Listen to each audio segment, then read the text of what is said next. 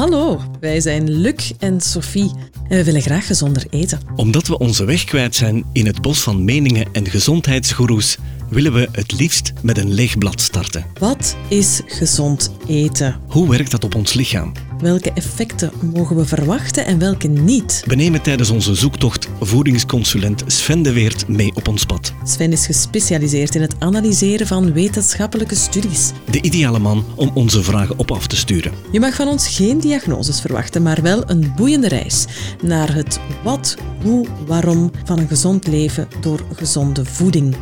Welkom bij Beetweters. Een woordje van dank zou ik willen placeren voor al die mensen die onze podcast enthousiast doorgeven. Dat merken wij aan de cijfers, maar dat merken wij ook aan de reacties. Want we hebben een mail gekregen van een fan van het eerste uur, zo zegt ze zelf. Maar ze zegt erbij, ik heb de ziekte van Crohn, waardoor ik het belang van gezonde voeding maar al te goed besef. Wat is nu in dit soort van gevallen, haar ziekte van Crohn, gezonde voeding, vraagt zij aan ons. En ze zegt daarbij, vezelrijke zaken zoals granola en dergelijke, is dat wel goed voor mensen met de ziekte van Crohn? En wat is voeding die ontstekingsremmend kan werken? Sven, dat zijn een boel vragen waar je zo meteen mag op antwoorden van ons. Maar ik wil er toch nog even bij vertellen dat wij niet de intentie hebben om medisch advies te verstrekken. Dus dit mag niet als medisch advies beschouwd worden. En ik vind het ook wel belangrijk om te benadrukken dat onze focus wel ten allen tijde op voeding moet blijven uh, liggen. Dus, maar ik begrijp wel de vragen van onze luisteraars, want het heeft natuurlijk altijd wel met uh, een lichamelijke malaise te maken. Dus ik begrijp absoluut de vraag en we gaan daar met veel plezier op antwoorden. Um, het is niet de bedoeling om hier um, een kant-klaar antwoord te gaan geven van kijk, dit is, is gepast voor jou bij de ziekte van Crohn omdat, um, daar zijn specialisten voor, dat zijn mensen die dat erin gespecialiseerd zijn. En dus vandaar, nu, ik heb al wel mensen gehad met, met eenzelfde vraag. En dan uh, geef ik daar wel een keertje een advies, waarvan we zeggen van kijk, dit is niet de bedoeling van dit gaat jou gewoon niet genezen hebben, omdat, uh, om even duidelijk te maken, we weten niet van waar het komt. En de bedoeling is om, om dat een beetje proberen, die ontstekingen in toom te houden, om dat allemaal ja, beheersbaar te houden. En, en daar werken we normaal gezien met, uh, met medicatie voor. Dat, en dan heb ik al wel eens tegen mensen die dat dan toch wilden proberen om kunnen we met voeding iets doen. Dus je kan eigenlijk uit ervaring spreken? Ik heb, ik heb iemand gehad die dat, die dat zei, kijk van goed, um, ik heb die problematiek, ik heb dat al jaren ik neem een hoop medicatie. Die medicatie die is nu verhoogd, dat gaat verder. En zegt van kijk, ik wil gewoon eens een keertje iets proberen vanuit voeding. En we zegt van goed, ik kan jou adviseren gewoon op voeding. Maar dus hè, nogmaals, dit is niet geen pasklaar antwoord op. En wat hebben we dan gedaan? Dan, dan hebben ze een keertje gedaan van kijk, we gaan eens proberen een maandje van al hetgeen waarvan dat we weten dat een ontsteking kan geven, en daarmee wil ik benadrukken, ontsteking kan geven. Dat wil niet zeggen dat dat per definitie slechte voedingsmiddelen zijn. Mhm. dat is gewoon zo. Bij mensen met problemen kan iets op een gegeven moment te veel zijn. Dat is een klein beetje zoals je zou zeggen van joggen is ongezond. Nee, joggen is heel gezond, maar als je een gebroken voet hebt, moet je eventjes niet joggen. Mhm. Dus dat. Al hetgeen wat we een beetje konden vinden van, van dit kan mogelijk een ontsteking geven, dat halen we eventjes uit de voeding uit. En al hetgeen waarvan dat we dan gevonden hadden van kijk, dit uh, kan ontstekingsremmend werken vanuit de voeding. Dat gaan we er dan eventjes in doen. Dat hebben we dan een maandje geprobeerd. Hè, uh, om gewoon ook weer te kijken van, van wat gaf dit. En bij die persoon gaf dat een heel mooi resultaat. Hè. Dus, dus hij voelde wel degelijk verschil. Dat is niet zo dat hij met medicatie kon stoppen of kon doen of zo. Maar dat hij voelde wel degelijk uh, verschil. En hij heeft dat, dat voedingspatroon, dus die levensstijl eigenlijk aangehouden. En hij voelt zich daar goed bij. Kan je iets meer vertellen over dat ja, voedingspatroon? Ja, wel, waar, waaruit, waaruit bestond dat? Zoals ik zei, van kijk, al hetgeen waarvan dat we konden vinden, of waarvan dat ik van, van, van gevonden had van kijk, dit kan ontstekingen geven, dit kan problemen veroorzaken, wanneer dat het evenwicht daar verstoord is, halen we eruit. En wat was dat? Ik ben begonnen met, met de verhouding omega-3, omega-6.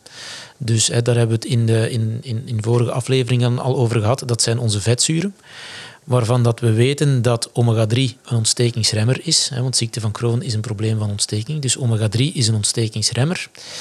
En een teveel aan verzadigd vet, dus teveel aan dierlijk vet. Uh, en een teveel aan omega-6, wat vooral in onze noten en zaden en, en oliën en zo zit.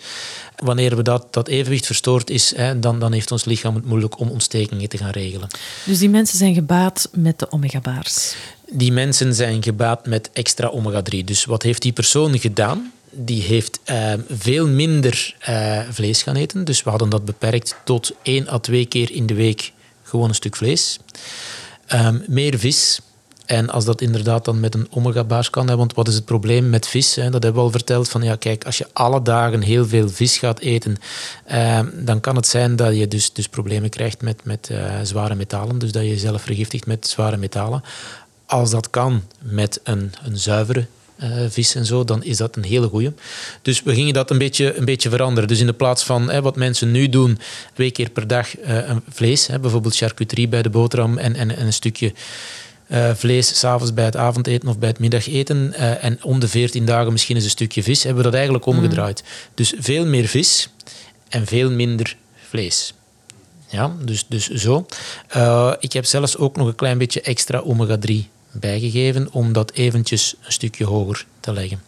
Vandaar.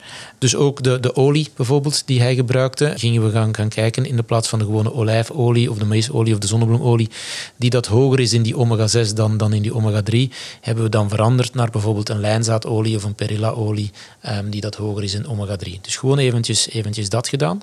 Dus dat die verhouding omega-3, omega-6 terug een beetje meer in evenwicht kwam. Dus, dus uh, voor mensen die dat, dat per se willen weten, je kan dat bij de huisarts laten testen via een gewone bloedtest. Ja, ja. Daar zien ze, uh, kunnen ze jou, jouw vetprofiel bepalen en dan kan je zien hoe dat het zit met jouw omega-3, omega-6.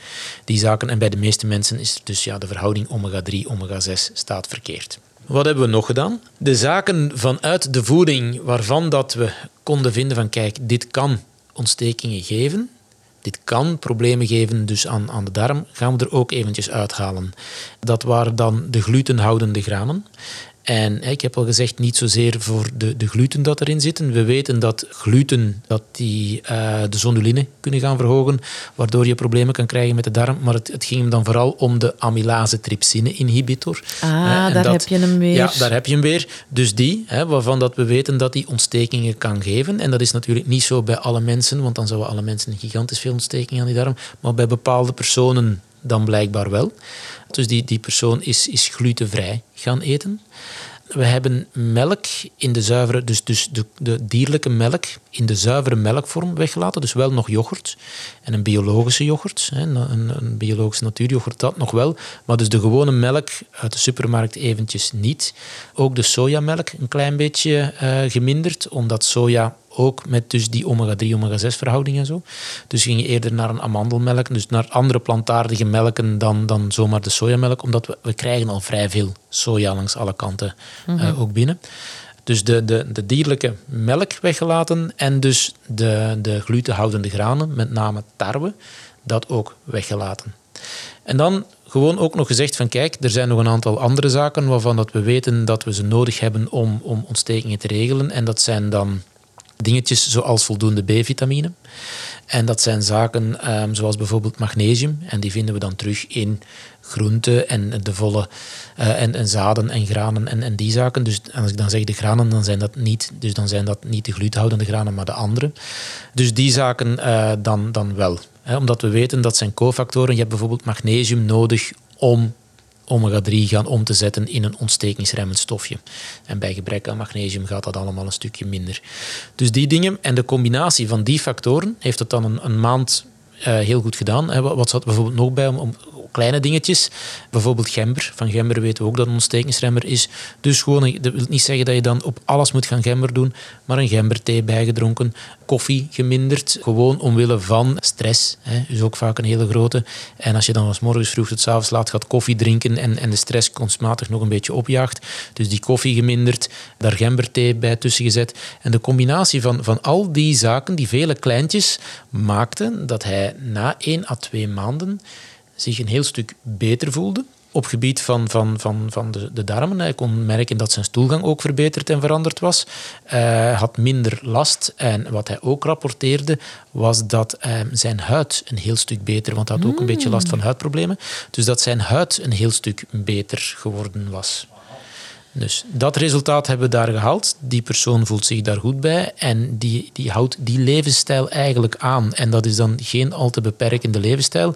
En dat wil niet zeggen dat die ehm, nooit geen, bijvoorbeeld geen, geen gluten of meer zo, hè, of, of die graan meer zou gaan eten. Dat gebeurt af en toe nog eens. Maar 80, 90 procent van de tijd houdt hij dit voedingspatroon aan en voelt zich daar heel goed bij. Wauw. Wat een prachtig gratis consult voor al deze luisteraars rond deze case. En ik vind het ook een schitterende samenvatting van de bijna toch wel 40 afleveringen die wij tot nu toe gemaakt hebben over gezonde voeding. Want heel veel komt terug. Sven, als ik jou dit allemaal hoor opsommen, dan is het voor mij echt een flashback naar bijna alles wat we tot nu toe al gezegd hebben. Nu, ik wil erbij zeggen, dit gaat niet voor iedereen dezelfde resultaten geven. Hè, maar we hebben ook tegen die persoon gezegd, die was zelf vragende partij. En je zegt van, kijk, dit, als jij daar tijd en energie wil insteken, geef het in een maandje. Hè. Dat, is, dat is mijn mhm. standaard voor mensen. Van kijk, doe dat in een maand, maar doe dat dan wel een maand 100%. Doe dat een maand helemaal goed. En dan gaan we kijken wat het resultaat is. Maar is dit niet sowieso is interessant om een maand te doen voor ons allemaal? Los van de ehm, ziekte van Crohn? Je kan dat proberen, Sofie. Dit lijkt me toch gewoon het, het, het, ja, het, de blauwdruk van gezonde voeding? Of, Goh, ja en nee. Dus, dus volgens sommigen ehm, eh, moeten we bepaalde zaken wel gaan eten, omdat we anders bijvoorbeeld tekorten gaan krijgen. Hè. Dus, dus je moet zo zien, hè, want wanneer mensen bijvoorbeeld gaan overschakelen naar, naar glutenvrij, mm het is niet omdat iets glutenvrij is dat het per definitie gezond is. Uh, wanneer we gewoon glutenvrij brood gaan eten, dan is dat vaak gemaakt van geraffineerde mais en geraffineerde rijst. Dat is glutenvrij, maar dat is daar, daarvoor per definitie niet echt gezond. Klopt. Um, wat hebben we zo nog? Ja, glutenvrije koekjes blijven koekjes. Dat is mhm. gigantisch hoog in suiker en zo, dus dat is, dat is niet per definitie gezond. Dus je moet een beetje, een beetje daar gaan kijken. Uh, wat is nog een zorg uh, wat, wat soms terugkomt? Um, wat vaak gezegd wordt van kijk, als je bijvoorbeeld, mensen gaan dan stoppen met brood eten. En dan wordt er gezegd van kijk, als je geen brood meer gaat eten, dan kan het zijn dat je gaat problemen krijgen met je schildklier of zo. Dus een van de zaken waarom dat, dat zou, zou meespelen, is omdat in ons brood gejodeerd zout zit. En onze schildklier heeft jodium nodig. Um, en omdat we heel weinig jodium binnenkrijgen, uh, is er beslist om het zout dat in het brood zit, gejodeerd zout. En dat is dan goed voor onze schildklier. En als we dan geen brood meer gaan eten of veel minder brood, krijgen we dat ook veel minder binnen. Dus... Vind ik ook nog wel een interessante aflevering die daar hangt. Mhm. Dus de meningen zijn daarover verdeeld. Ik geef gewoon eventjes mijn mening. En mijn mening is van, kijk, we hoeven niet alle dagen dat brood te eten, of toch niet het brood dat we nu eten. Uh, ik zal het zo zeggen, hè. ik heb niks tegen brood, maar ik heb waarschijnlijk al gezegd, als ik naar, naar het buitenland ga, vooral naar Scandinavië, dan eet ik daar graag uh, het roggebrood, dat daar dan ook nog vaak zuurdesem is. Hmm. Eet ik daar één of twee sneetjes van en dan heb ik voldoende. Dat vind ik ja, dan goed en lekker brood. En het brood dat ik hier, wat mensen heel vaak lekker vinden en wat ik vroeger ook gigantisch lekker vond, ja, daar heb ik nu veel minder mee. En, en eh, ik merk zelf ook wel, als ik dat brood eet, dat, dat bijvoorbeeld mijn stoelgang minder is en, mhm. en ehm, dat ik mij anders voel en dat er aan zaken anders gaan. Maar dat is voor mij persoonlijk. Mhm. Ik moet zeggen dat mijn gezonde boerenverstand hier wel een dansje maakt eigenlijk. Want als ik het goed begrepen heb, dan kom jij niet aan de medicatie aan. dat wordt niet, in vraag gesteld, daar gaan we ook niet aan raken. Maar je stelt wel voor van probeer het eens. Mm Hou het een paar weken slash maanden vol. En mhm. kijk wat resultaat dat het geeft. Ja. ja, en laat je ook professioneel begeleiden, lijkt me toch wel. Hè? Maar dat is, dat is Sven sowieso, hè? Ja, ja, maar kijk, ja, even zeggen, hè, want officieel bij, bij Crohn heeft, heeft er, Ja, ik bedoel, er is, er is geen link tussen bepaalde voedingsmiddelen en Crohn. Dat is, dat is niet. Dit is gewoon wat ik gedaan heb bij, bij die persoon. Ja. dus, maar we kunnen niet zeggen van oké, die voeding gaat gewoon veroorzaken of gewoon verergeren.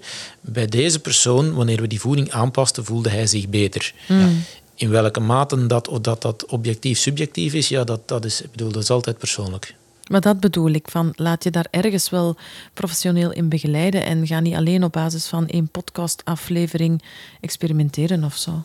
Ehm, nee, ik denk dat er ondertussen, kijk, uh, het internet is, is een mooie, mm. dus er zijn verschillende zaken terug te vinden, maar probeer dan een klein beetje wetenschappelijke uh, studies of wetenschappelijke zaken uh, te vinden. En zoals je zelf zegt, Sophie, het is niet omdat één persoon iets zegt dat je dat per se moet geloven. Dat doe ik zelf ook niet. Eh, wanneer dat ik dingen lees of hoor, ga ik ook verder zoeken en kijken van wat is er verder nog te vinden. Maar ik ben het wel volledig eens met Sophie dat ze eigenlijk zegt laat je professioneel begeleiden, maar dan nog komt mijn gezond boerenverstand uit bij de conclusie als het werkt is het waar en de rest is commentaar. Eh, ja, als, jij daar, als het voor jou werkt, dan is het voor jou goed. Ja. En ik vind het ook belangrijk voor ons als podcastmakers dat wij deze informatie meegeven om toch jou al als luisteraar op pad te zetten.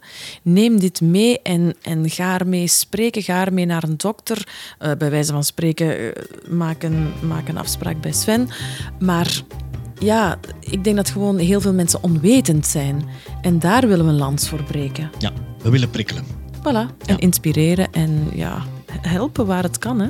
Wij hopen dat we hier toch deze luisteraar mee geholpen hebben, want uiteindelijk, uh, we waren een beetje bezorgd om dit aan te raken. Mm -hmm. We hadden daar een paar vragen over, maar ik vind dat je dat heel mooi verwoord hebt. Dat je het experiment fantastisch hebt uitgelegd, Sven. Ja, graag gedaan. Dank je wel.